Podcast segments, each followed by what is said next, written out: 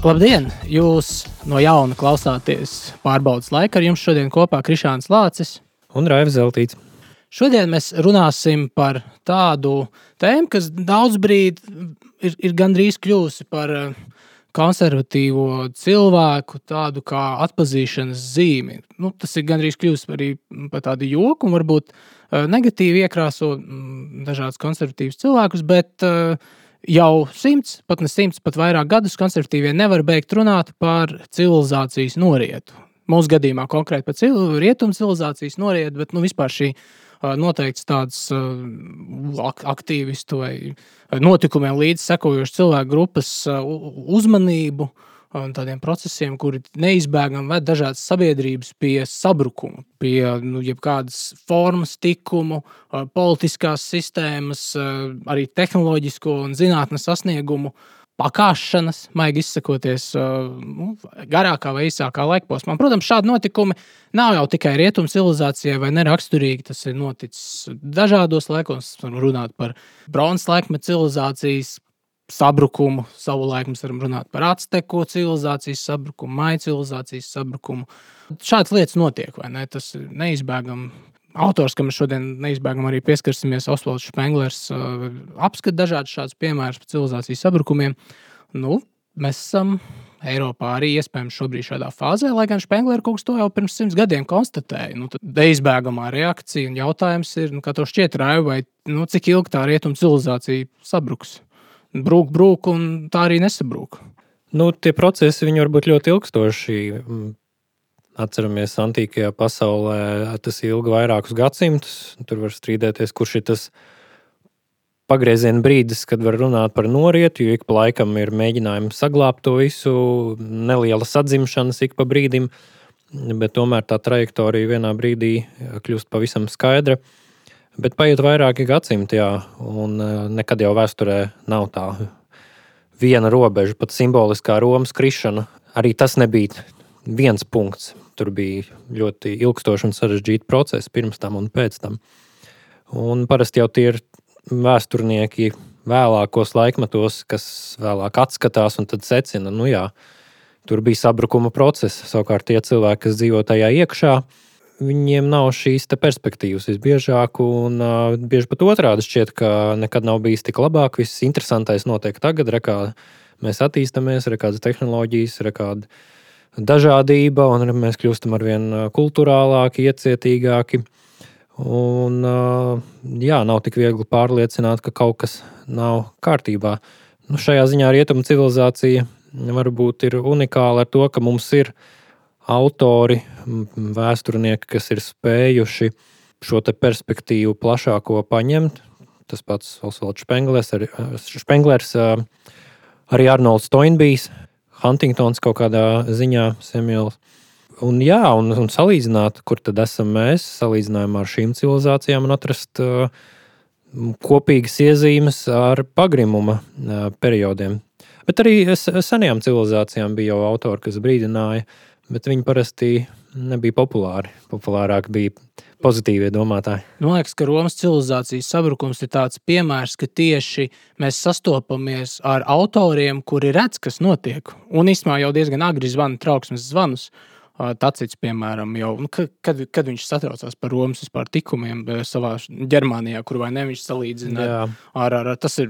Šķiet, ka pirmais gadsimts. Jā, nu, protams, ļoti agri. Un, un, un tajā brīdī jau ir kaut kādas krīzes, tādas vēsmas, un, un nereti mēdz teikt, ka imperators Augusts, nu, kurš tā kā rest, nu, ja nerestartēja, tad vismaz iesvēl jaunu dzīvību, jo viņš tiešām identificē kaut kādas problēmas, piešķīra tam arī noteikti tādu politisko formu, lai kaut cik saturētu kopā, un nu, pāris gadsimtus priekšu rietumu Roma izvilka. Bet, bet kas ir interesanti, tieši tajos vēlākajos gadsimtos vairs nav šāda autora, kas kaut ko tādu teiktu.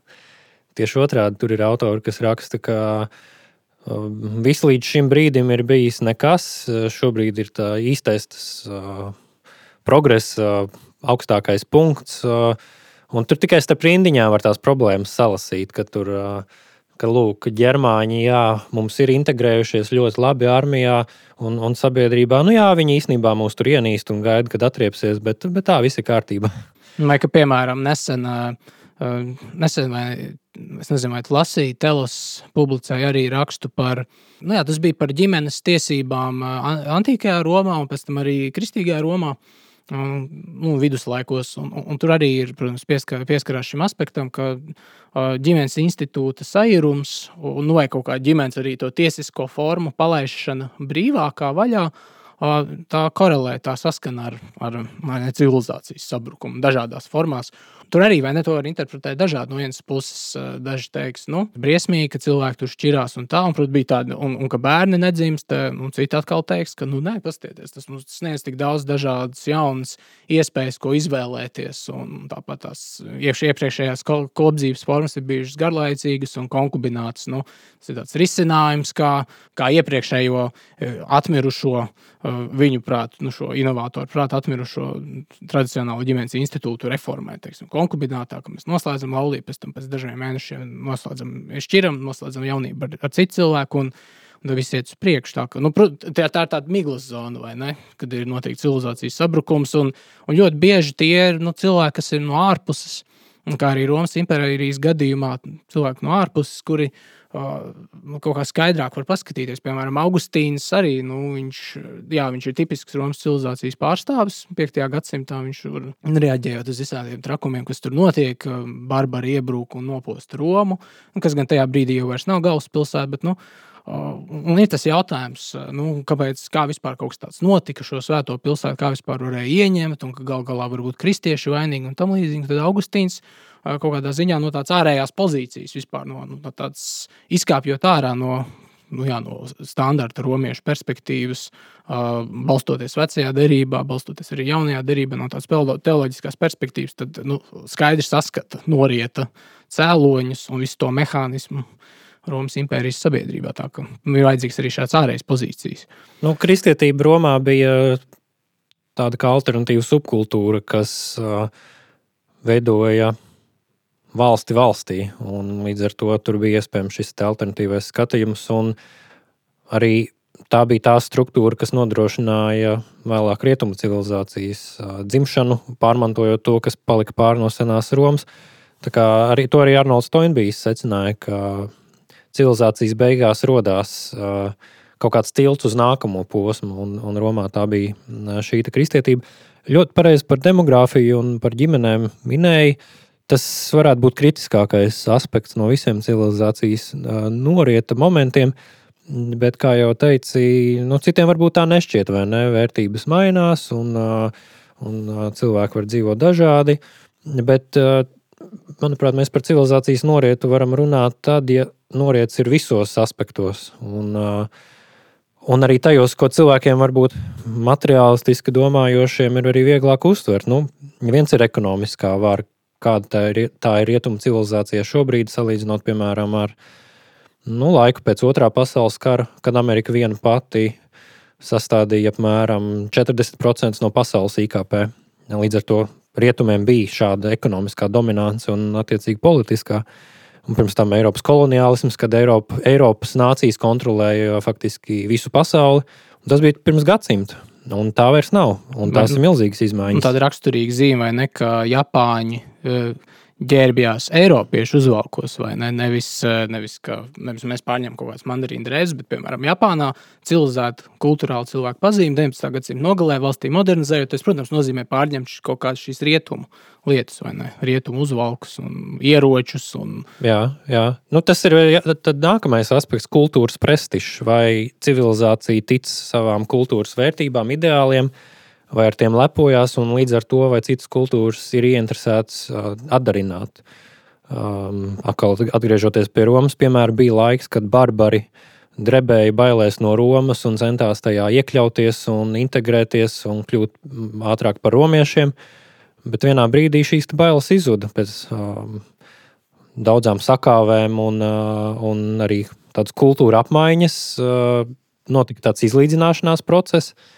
Un ģermāņi saprata, ka viņi ar neko nav ne ar ko sliktāk, varbūt pat labāk par pagrimušo Romu.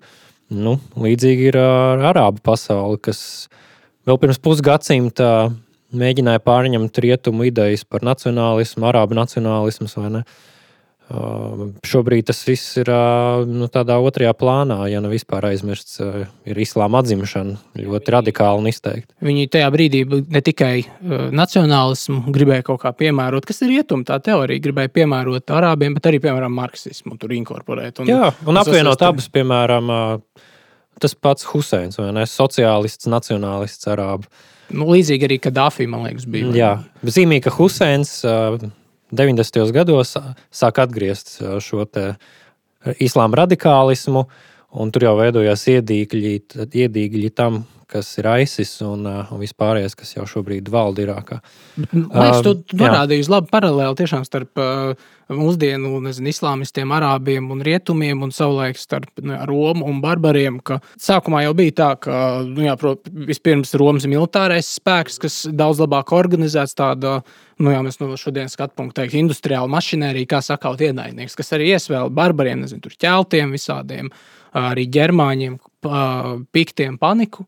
Vēl viena lieta, protams, kā viņi, nu, kā Roma pārdeva, ja tā var teikt, sevi barbariem ar saviem labākiem, pārākiem likumiem, visa infrastruktūra, Komforts, popkultūra, faktiski. Jā, popkultūra, tehnoloģiskie sasniegumi, vienota jā, likuma sistēmas jau pieminēja, un dažādi visi šie kultūras sasniegumi, kuri kaut kādā brīdī tiešām nu, barbari šīs ne, neromiešu tautas nu, pieņēma, jā, ka tas ir pārāks. Mēs, inko, mēs nu, jā, nedaudz praktizējam savu tik, savus tās ierastās paražas, bet nu, jau Romas impērijas paspārnē, mēs kļūstam par Romas pilsoņiem. Jo, nu, atceries, nu, to arī pat jauno darību lasot, var labi redzēt, ka status Romas pilsonis ir tāda prestiža kategorija šīm dažādajām tautām, kuras ir inkorporētas Romā. Un tad, nu, lūk, un tad cik, cik krasa atšķirība ir 5. gadsimtā, kad eh, neviens, nu pat 5. un 4. gadsimtā, 4. un 5. gadsimtā, kad jau viss tā tautas staigāšana notiek, ka eh, viadukti, bruģētie ceļi, te betonētie, nu, Barbara saka, nu, nu tātad, tātad tas, tas, mm, acīm redzot, jāskatās, jā, labi, mēs redzam šo civilizācijas sabrukumu materiālo dimensiju, un ceļojot pa Dienvidu Eiropu, tas, tas ļoti redzams, kā nu, šīs Romas pēdas vai ne. Un, Ko nozīmē, kad, kad mainās dažādi kultūras modeļi. To, to, to mēs ļoti labi redzam, kā tas ir uzaugs viens otram virsū. Bet, tā ir tā materiālā redzamā bāze norietam, bet nu, kur cēloņi acīm redzot, ir nu, zin, dziļāk. Cēloņus tie paši arī romiešu autori norāda arī vēl pirms tā minētā tacita, proti, pēc pūniešu kariem, kad Roma sakauja savu lielāko pretinieku reģionā, savu ģeopolitisko teikt, ienaidnieku. Viņiem tajā brīdī vairs nav liela ienaidnieka, viņiem ir milzīga labklājība, absolūta dominance savā reģionā.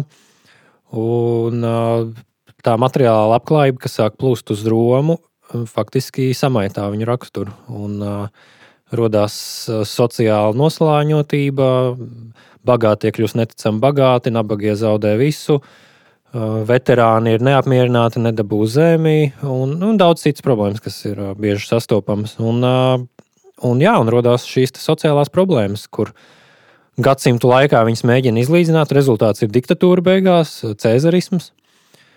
Bet tāds kultūrālais mehānisms, lai cilvēkus nomierinātu, tiek izvēlēts maize un izpriecis. Proti, kultūras degradācija, cilvēku tāda pieradināšana, un līdz ar to tāds kultūras pūšanas process aizsākas.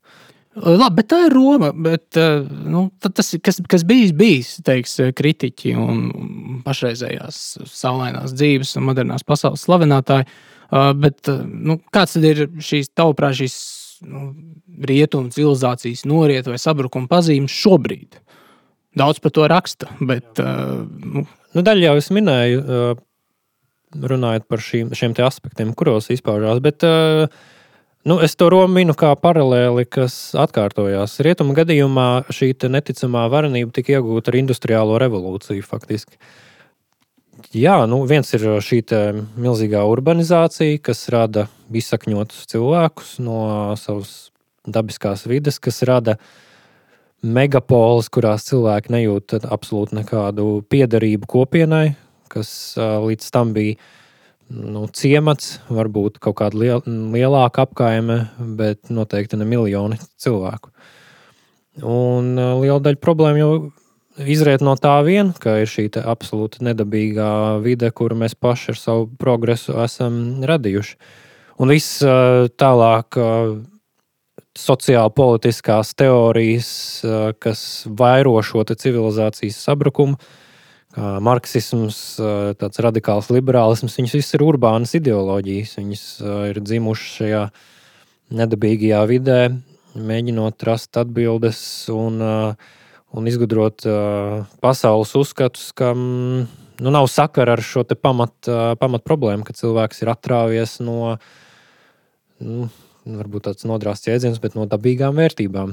Tā pati bērnu radīšana, ģimene, tās ir dabīgas vērtības. Viņas agrāk bija pašsaprotamas, bet tikai šajā nedabīgajā vidē tas kļūst kaut kas apšaubāms. Pat kaut kas slikts, kas var kaitēt lūk, karjerai, personīgajai pašizaugsmai un, un nerunājot par visām subkultūrām, kas vispār noliedz vīriešu un sievietes identitāti kā tādu. Uh, Un tās visas ir idejas, kas var rasties tikai nedabīgā vidē, es to tā teiktu.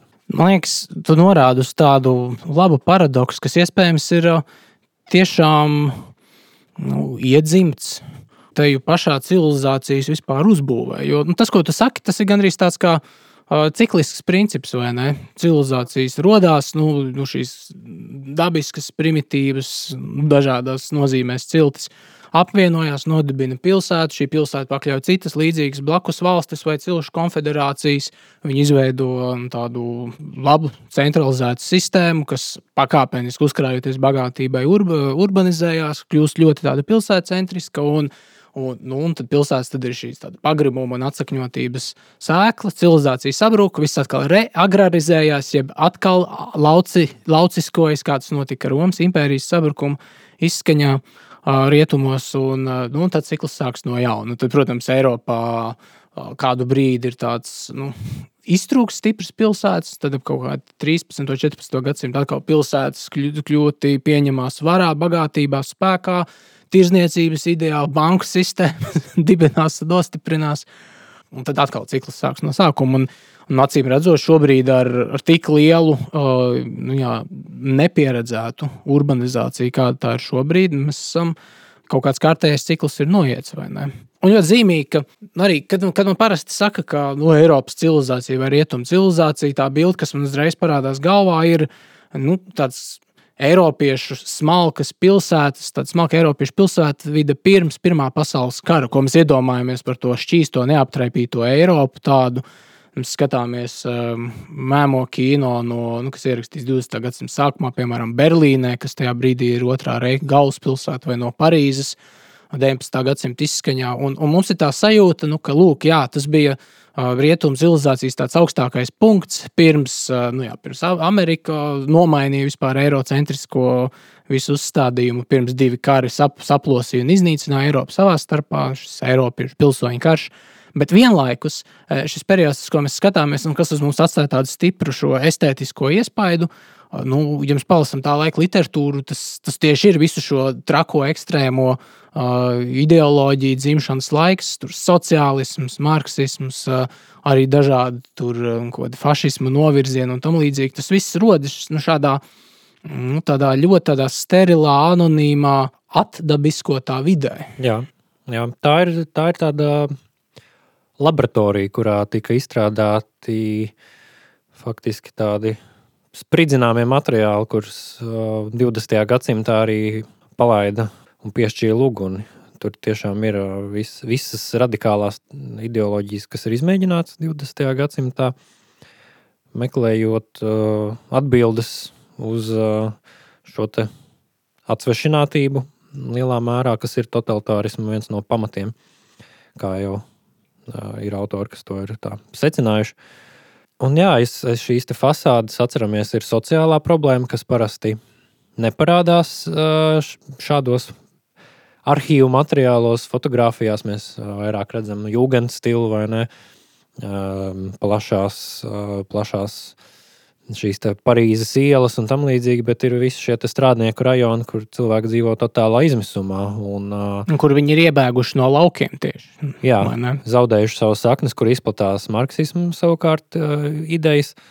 Un, kas ir šīs visas situācijas upuri. Un vēl dziļāk, ko vēl grūtāk ir pamanīt, ir šīs kultūras pārmaiņas, ko laikam pirmais tā ļoti trāpīgi Nīčs konstatē, ne par, par dieva nāvi, ka cilvēkiem reliģija vairs nenozīmē to, ko tā nozīmēja agrāk, ka tā kļūst par āršķirību. Un ka ir zaudēts šis metafiziskais pamats, ka ir pilnīgs garīgais vakums, kurš tad ar kaut ko tiks aizpildīts, vai vismaz mēģinās viņu aizpildīt. Un, un tās ir šīs ideoloģijas lielā mērā. Nu, šobrīd es teiktu, ka tas ir islāms. Vienkārši cita reliģija, cita civilizācija ieņem šo tukšo telpu. Un arī jā, Eiropas pilsētās, tajos pašos drūmajos rajonos, tur veidojās jau citas civilizācijas iedīgļi. Pēc tam, kad Eiropieši ir iztrakojušies savstarpējos karos un politiskās sadursmēs. Ja tevi uzrunā raidraksts pārbaudas laiks, atbalsti tā veidošanu ar nelielu ziedojumu. Mēs esam neatkarīga biedrība, mums nav liela sponsora, bet mūsu mērķi ir lieli. Ziedojot, tu atbalstīsi mūsu brīvību veidot kvalitatīvus ierakstus par Latvijai svarīgām tēmām. Ziedojumu kontu atradīsi aprakstā. Paldies par tavu ziedojumu! Neizbēgami rodas jautājums, nu, ko darīt. Tas, tas apgūtais ap, aplis ir skaits. Mēs arī šajā ierakstā lietojam vārdu civilizācija tādā pozitīvā nozīmē, tā ir tāda skaidra forma gan politiskās pārvaldes, gan kultūras sasniegumu, gan tehnoloģisko sasniegumu. Likumi, tikumi, parašs un vispārējais ir kaut kāda ir forma, kas turās kopā, kas darbojas, atražojās un kaut kādā ziņā ir arī augšu, augšu kāpojoša līkne. Uh, bet no otras puses šajā uh, civilizētības uzsvarā, kas neizbēgami saistās ar vairāk tehnoloģiju, vairāk pilsētām, uh, lielākām pilsētām un jā, līdz ar to lielāku attālumu no dabas. Nu, Jo vairāk civilizācijas, jo vairāk tuvinās civilizācijas sabrukums. Tas tāds bezmazliet bezmazliet tāds nu jā, cikls. Un nav tā, ka mēs, piemēram, tagad runājam, paņemam tēmu tālāk, pavērš skatu tālāk no rietumiem. Nereti nu jā, dažādi tādi kultūra kritiķi, Huntingtons un arī citi. Viņi konstatē, ka nu, rietumos ir kā ir, ir gan politiskā paralīze, dažādas sociālās problēmas. Afganistāna arī parādīja, ka, ka Amerikas kraks Afganistāna arī parādīja, ka nu, īsti šis rietumu civilizētības modelis vairs nav tik viegli eksportējams. Neviens viņam netic, neviens viņu nepārņem. Milzīga korupcija un samaitātība, pēc kuras arī pat Afganistānas sabiedrība paliek sliktākā stāvoklī nekā pirms šī civilizācija tur ieradās. Nu, jā, un neviens tam netic. Un, un, un parasti mēs domājam, ka, nu, labi, skatīsimies citur, lūk, tas nākamais pasaules centrs būs Āzija, uh, nu, precīzāk, Austrumāzija, Ķīna, Koreja, uh, Japāna, kur, nu, lūk, viņi ir ļoti spēcīga ražošana, viņi it kā vēl apzinās savu. Uh, nu, tradicionālo kultūru viņiem kā, nu, tā doma, vismaz no tāda rietumnieka skatu punkta, ir, ka arī tur ģimenes institūts viņiem nav izjūtas, ka dzimuma lomas nav samainījušās vietā, kaut kāda izpratne par dabas nospraustām robežām ir, bet, ja tā paskatās, tā nav vai ne? Šo visu sabiedrību un tādi atsardzīgākie prāti. Mm, viņi to arī konstatē, nu, ka tas modelis, ko viņi ir radījuši, kas ir, protams, ļoti bagāts, nekad iepriekš, man liekas, pasaules vēsturē Austrumāzija nav bijusi tik uh, ietekmīga, varena, bagāta, attīstīta un nu, dažādās jomās. Nu, varētu teikt, civilizācijas līmenis, tajā, tādā nozīmē, kā mēs to lietojam šajā, aplā, šajā ierakstā. Viņš vēl nav bijis nekad tik liels Austrumāzijā. Nu, dēļ arī šīs pozitīvās Austrumāzijas sinerģijas ar, nu, ar, ar to, ko viņi pārņēmuši no rietumiem, kas primāri ir nu, kaut kādi tehnoloģiskie sasniegumi. Nu, es nezinu, cik daudz no rietumu kaut kādas filozofijas ir pārņēmušas. Es nezinu, bet virspusē. virspusē. Bet drīzāk kaut kāds vienkārši tāds nu, tehnoloģisks sasniegums, rietumu arī zinātne. Um, nu, es nezinu, kaut kāda varbūt arī rietumu izpratne par ekonomiku un tam līdzīgi ko viņi ir uh, pavairojuši kvadrātā. Bet, nu, dažādi, bet pašā šajā sabiedrībās, gan Japānā, ir nu, Ķīnā arī šobrīd demografiskais sabrukums, kas pārskatāmā nākotnē uh, nu, īsti nevar atjaunoties. Arī Japānā jau tie arī pat ekonomiskā darbība 30 gadus ir tādā kā stagnācijā. Varētu teikt, šobrīd arī medijos mēs biežāk dzirdam Korejas vārdu. Mēs, mēs atrodamies arī šobrīd rietumos tādā kā Korejas viļņa stāvoklī, ka dažādas Korejas visādas kultūras vērtības, K-pop grupas, korejiešu Netflix seriāli pārpludina, pārpludina rietumus. Bet arī Korejas sabiedrībā ir tāda dziļa, sabiedrībā arī teorētiski to konstatē, ir tāda dziļa nu, pesimisms par nākotnes izredzēm. Jo nu, viņi arī identificē to pašu, ka rietumos, ka uh, visi demogrāfiskie rādītāji, palielinoties šai nu, bezizmēru urbanizācijai, nokritušies uz leju. Pieauguša nevienlīdzība, politiskās sistēmas sagrābušas naudas, un var, naudas vara, naudas intereses, korupcija un, un arī nu, baudas un, un, un mantas kults, kur kaut kāda krietnība un tikuma un forma ir atkāpusies otrajā plānā. Un, ko tu par to saki? Es neesmu tik eh, skeptisks par Āziju. Viņi, viņiem ir visas jā, šīs problēmas, kas ir uh, urbanizācijas problēmas. Tas, ar ko rietumi ir unikāli, ir, uh, ka papildus šīm tīri sociālajām un tādām nu, urbanizācijas izraisītajām problēmām, kas ir jebkurai vēlē civilizācijai, mums ir arī šī ideoloģiskā problēma, kur ir strāvojumi, kas uh, pātrina šo norietu, to pārsaucot par progresu. Un, un es teiktu, vairāk kārtīgi tas tiek pātrināts. Jā, Romā bija arī imigrācijas problēma, bet tur nebija velkamisma, piemēram. Tur arī bija dzimumu lomu, brīžam kaut kādi sajukumi. Tur bija uh, hedonisms, bet nebija vesela sociāla kustība, kas gribēja teikt, uzcelt jaunu pasauli, balstoties uz šīm idejām, kas faktiski veicina norietu. Rietumos šādas idejas ir. Āzijā viņas īsti neiesakņojas. Un, līdz ar to tas ir viens Āzijai mm, tāds viņu ieguvums un viņa noturība. Otrs ir, ka mm, varbūt tas mazāk attiecās uz Koreju un Japānu Bet Ķīna, manuprāt, ir nu, lietojot šo te ar, ar sliktām asociācijām, bet viņi tiešām ir too big to fail. Proti, tā ir tik liela civilizācija. Viņai var būt visādas krīzes, sašķeltības, pilsoņu kari. Viņa kurā brīdī var restartēties, jo vienkārši viņu ir tik daudz, viņa ir tik liela. Nu, jā, tā arī ir faktiski nepārtraukta civilizācija, kur jau tūkstošiem gadu šādā veidā ir pastāvējusi. Viņiem ir nomainījušies šie sašķeltības un krīzes periodi ar imperiālajiem periodiem. Bet neviens viņus no ārpuses tā ilgstoši nav pakļāvis. Un, ja kāds ir pakļāvis, tad viņš ir vēlāk asimilēts Ķīnas kultūrā, un Ķīna vienkārši turpinājusi iet uz priekšu. Tā kā, ne, nu, man liekas, jā. tas, tas jā, tu pareizi norādi to atšķirību starp uh, iespējamiem izaicinājumiem pašreizējā Azijas modelim un, un tam, kas notiek rietumos ar civilizācijas sabrukumu, ka rietumos pats, uh, atšķirībā no Āzijas, rietumos pats tas valodas instrumentārijs, ar ko varētu vispār risināt šo problēmu, ir apšaubīts. Mēs pamatjēdzieni rietumos ir apšaubīti. Labs, tas, ko neizbēgami arī Āzijā kultūra kritiķi identificē kā sliktu, kā sociāli kaitīgu efektu.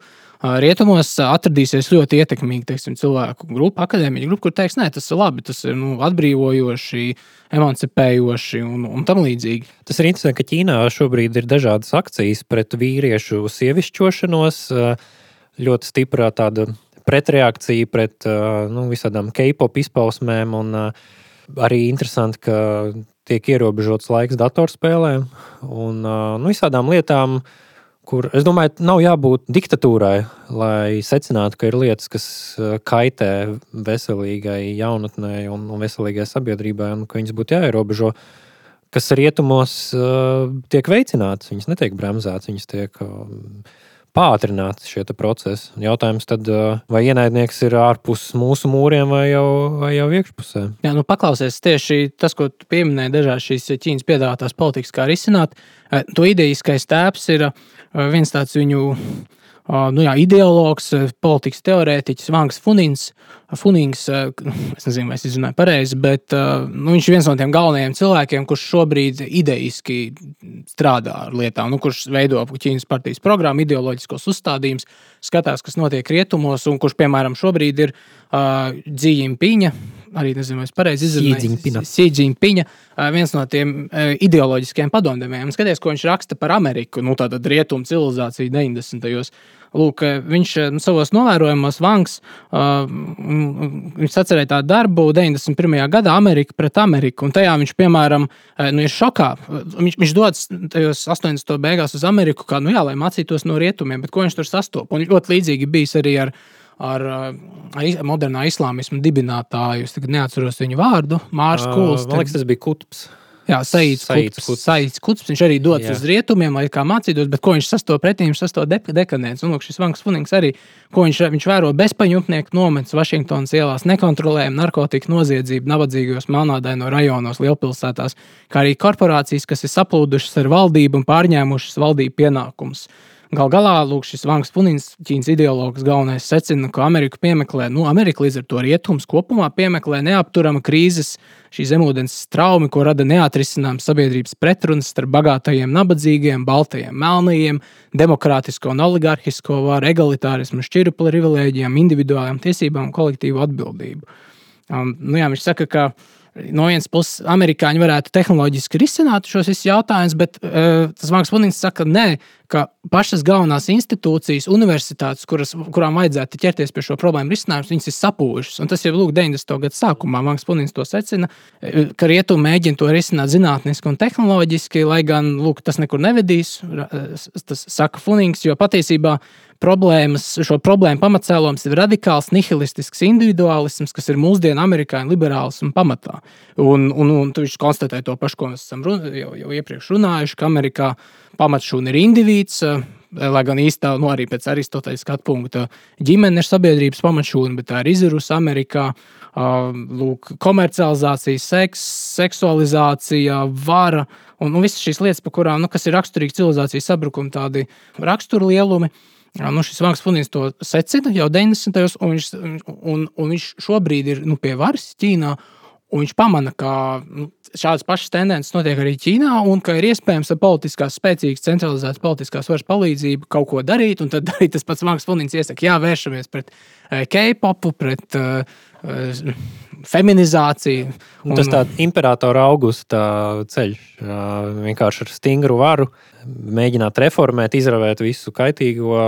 Nu, Redzēs, redzēs, kā ies. Jā. Nu, vai, piemēram, ja jūs redzat ziņās, ka notiek kārtējā Ķīnas valdības vēršanās pret kaut kādiem oligarkiem, Ķīnas tieši lielo korporāciju oligarkiem, tad aiz tā arī stāv faktiski šis eh, Funings, kas arī konstatē, nu, ka nedrīkst naudai likt ļaut vadīt politiku. Jābūt otrādi politikai. Nu, Ķīnas izpratnē ir eh, politikai jābūt tam rāmim, kas eh, vada naudu nu, lai pildītu nacionālās intereses. Lūk, bet, nu, kur šajā visā stāv Latvija, tavuprāt? Šajās visās globālajās norisēs mēs mūsu vilnis ņem līdzi, un mēs noslīkstam kopā ar visu rietumu civilizāciju, vai arī mums ir kaut kādas nu, priekš, priekšrocības. Pirmkārt, vai mēs pieņemam, ka rietumu civilizācija obligāti noslīgs? Par to vēl droši vien jāvienojās, jo nu, vēsture nav akmenī cirsta, un um, es neesmu Spengleru piekritējis, kuram, uh, kurš rakstīja, ka, ka lūk, civilizācijas šie cikli ir neizbēgami, ka pēc tūkstotis gadiem noteikti iestājās noriets. Un, uh, nu, Ķīna piemērs, ka tā nevienmēr notiek, vai Indija arī, uh, kas tāds sens milzis arī, kurš pārdzīvo visus savus iebrucējus un, un ik pa laikam atzimst. Rietumiem varbūt ir cerība, problēma ir demografiskais moments, jo ja Eiropiešu fiziski Eiropā nav tik daudz, lai noteiktu politiku, kultūru un nu, faktiski savu likteni, tad arī nav rietumu civilizācijas. Tā ir tā mm, lielākā problēma. Bet atgriežoties pie mm, Latvijas, nu, mēs esam tādās krustcelēs. Mums no vienas puses ir, jā, runājot par pilsētām, un, un, un laukiem un dabu, tad lielā mērā mēs esam daudz tuvāki dabai un vienmēr esam tādi bijuši. Un tas ir mūsu pluss. Mums ir uh, daudz šo te, ja tā var teikt, arhaisko vērtību, džentlmeniskums, pieklājība, nu, varētu teikt, arī politnekorektums, bet tāds veselīgs vai ne nu, tāds purainums, kas ir veselīgām tautām, vitālām tautām. No otras puses, mēs cenšamies um, ielikt ļoti ātri visās tajās tendencēs, neizvērtējot, vai viņas ir labas vai sliktas, ātrāk būt rietumnieki, mēs esam rietumnieki, bet tā teikt, rietumu eiropieši mēģinām būt. Un neizvērtējam, varbūt, vai viss, viss tur ir labs, vai mums tas tiešām viss ir jāpārņem. Vai varbūt mēs tomēr varētu kaut ko iemācīt, un varbūt mēs varam rādīt priekšzīmi. Latviešu tāda mm, problēma ir, ka mums nav šī varbūt nu, tik liela tā pašlepnuma, lai mēs mēģinātu varbūt iet šobrīd savu ceļu. Tas ir vienkārši jāaudzina. Nu, poļiem ir šis pašlepnums, viņiem ir sava nacionāla atmiņa par to, kā viņiem bija impērija, kā viņi glāba rietumu civilizāciju no turkiem un, un, un austrumiem. Un, līdz ar to viņi atļaujās vairāk iebilst rietumiem. Mūsu notur šobrīd vecākā un vidējā paudze, kas ir pieredzējusi padomju okupāciju un arī ir skeptiskāka pret visām jaunām, progresīvām idejām. Ar jauno paudzi, nu, tagad mēs izklausīsimies varbūt pēc būmeriem, kas čīks, bet ar jaunāko paudzi ir, ir grūtāk. Tur ir bieži vien nekritiskā, vienkārši tāda rietumu kultūras, postmodernās kultūras uzsūkšana, vienkārši dabiska, bez refleksijas, bez uh, atskaites punktiem un, un kritikas no tādām latviskām pozīcijām, jo tā, tas vienkārši nav apgūts.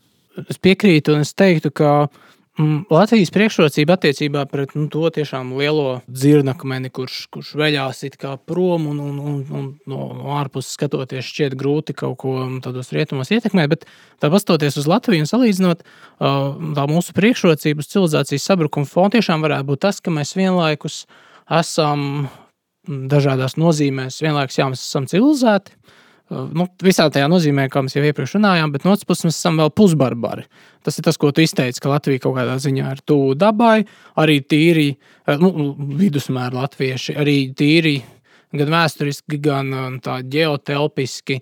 Uh, nu, labi, mums ir viena liela pilsēta, bet no šīs pilsētas pietiek pusstundas un stundas braucienu uz savām dzimtas mājām vai radnieku sētu. Uh, vai mazpilsētu, lai nu, nonāktu atpakaļ pie dabas, kur ir nu, tiešām šīs kaut kādas dabas likumsakarības, robežas, viss tas, nu, nu kā smelt enerģiju un gudrību un, un, un mācību, lai dzīvotu sakarīgāk, lai kaut kā cērtot malku kaut vai savai vecmāmiņai lauku mājās, tik ļoti nenodarbināt savu galvu ar dažādām slimīgām, slimīgām domām, kuras var rasties no pilsētām raksturīgā dzīvošanas kastēs saspiestības sajūtas?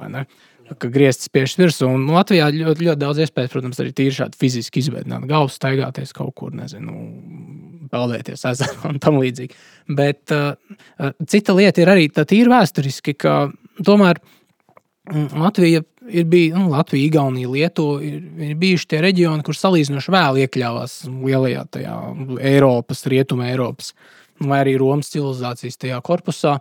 Un, kas, kas, protams, ir labi, uh, Bet no otras puses, nu, vēl līdz pat, es nezinu, nu, jā, ļoti ilgi, vēl līdz 18. un 19. gadsimtam, latvieši tomēr dzīvo tādā nu, pusmežonīgā, dabiskā cilvēka stāvoklī.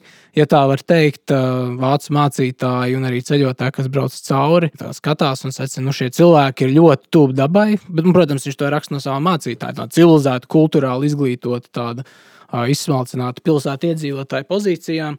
Teiksim, arī tas pats Herders, arī, nu, kas ir teikt, centrāla Eiropiešu vai vispār Eiropiešu tāds nacionāls mideiskais tēls. Viņš jau arī atbrauc uz Latviju, piedalās Jāņa svinībās, klausās Dainas mm, un nu, dzīvajā, īstajā performējumā. Un, uh, un viņš domā, nu jā, tā ir īsta lieta, nu, kaut kāda etniskā identitāte. Tāds un tālāk viņš tās, tās idejas iedzīvina, protams, tālāk Vācijā. Nu, tas tas viss tos iespējas, ko viņš ir sasmēlies. Nu, Latvieši, jā, no vienas pa, pus, pa pusē civilizēti, pa pusē barbari, pa pusē vēl iekļaujušies rietumos, rietumu ciklā.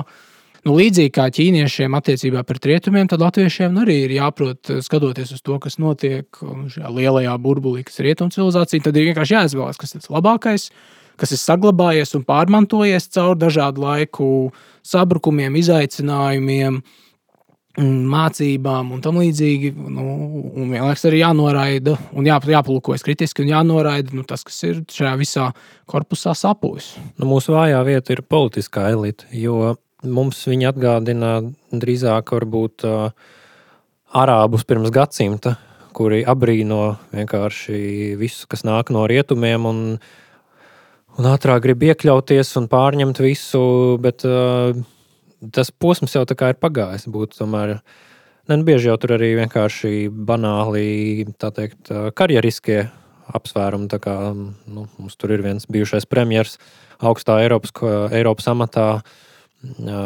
Kāds Latvijā no tā labums neviens nezina.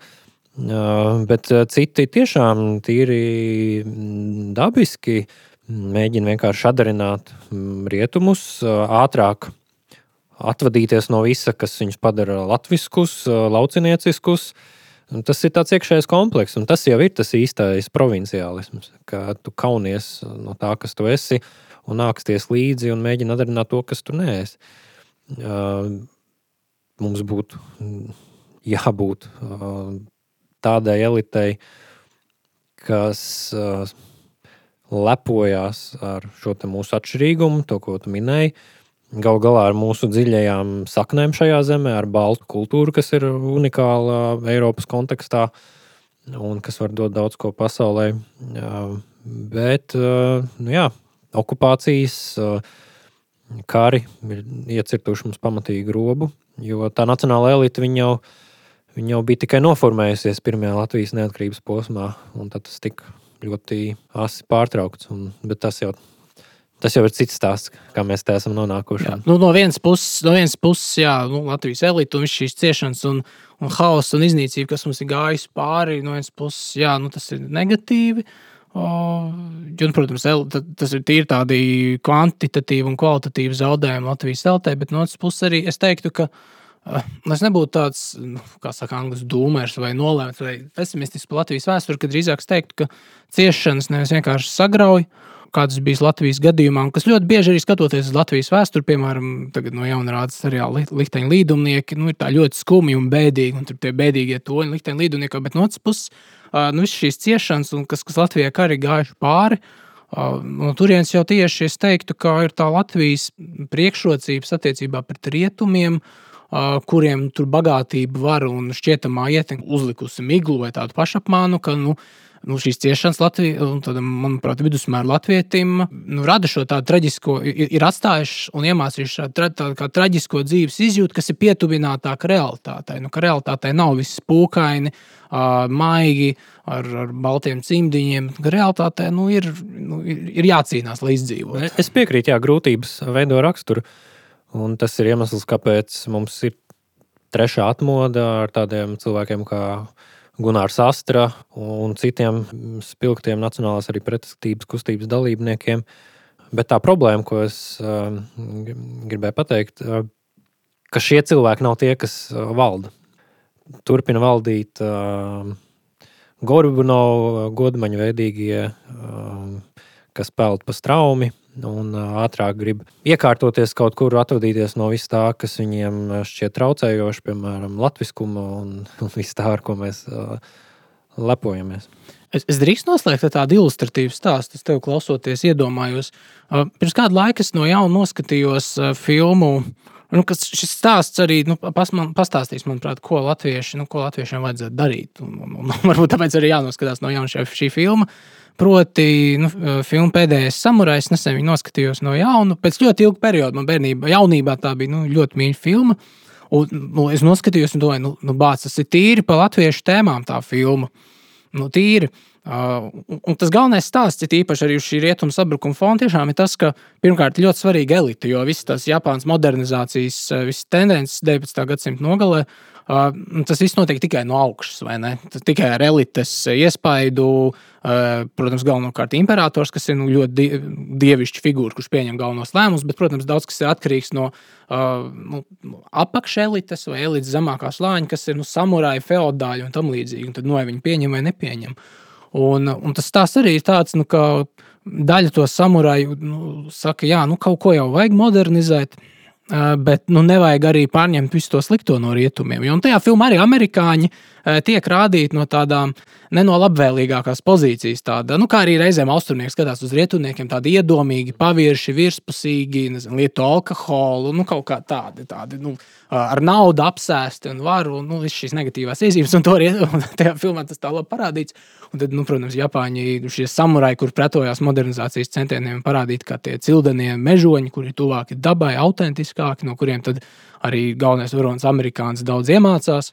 Un, un beigās ir tā dilemma, nu, ka, ko arī latviešiem vajadzētu iemācīties. Tas imperators, nu, pēc visa tā kara, kas tur ir noticis, kur tie pēdējie samuri ir apslaktēti, viņš beigās tomēr secina, nu, ka jā, mums Japānai ir jāmodernizējas, mums no rietumiem ir jāpārņem tas labākais kaut kādas pieredzes, tehnoloģijas, kaut kādas zināšanas, bet vienlaikus, un par cik arī viņa paša skolotājs bija samurajs.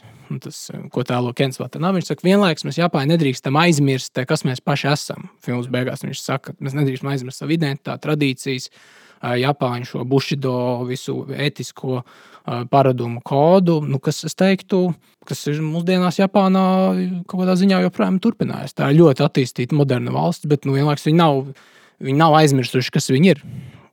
Un es domāju, ka nu, jā, Latvijai arī vajadzētu būt izvēlīgākai. Jā, tehnoloģijas nav pretrunā ar identitāti. Un tehnoloģijas nenozīmē tās pieņemt pilnīgi nekritiski un uh, kļūt par tehnoloģiju rīkiem. Es tiešām ticu, ka ir iespējams šis līdzsvars. Un, un viņš ir jāatrod, jo nav jau cita ceļa. Jo atgriezties 19. gadsimta lauku sētā, paslēpties no modernitātes nav iespējams. Sekot akli viņai, tas ir strupceļš. Atliek meklēt šo līdzsvaru. Līdzsvars starp pilsētu un laukiem. Jā, starp, un starp cilvēcisko un tehnoloģisko kaut kādā ziņā, starp kultūru un civilizāciju. Jā, Šis bija pārbaudas laiks. Ar jums šodien kopā bija Krišāns Lācis, Raivs Zeltīts.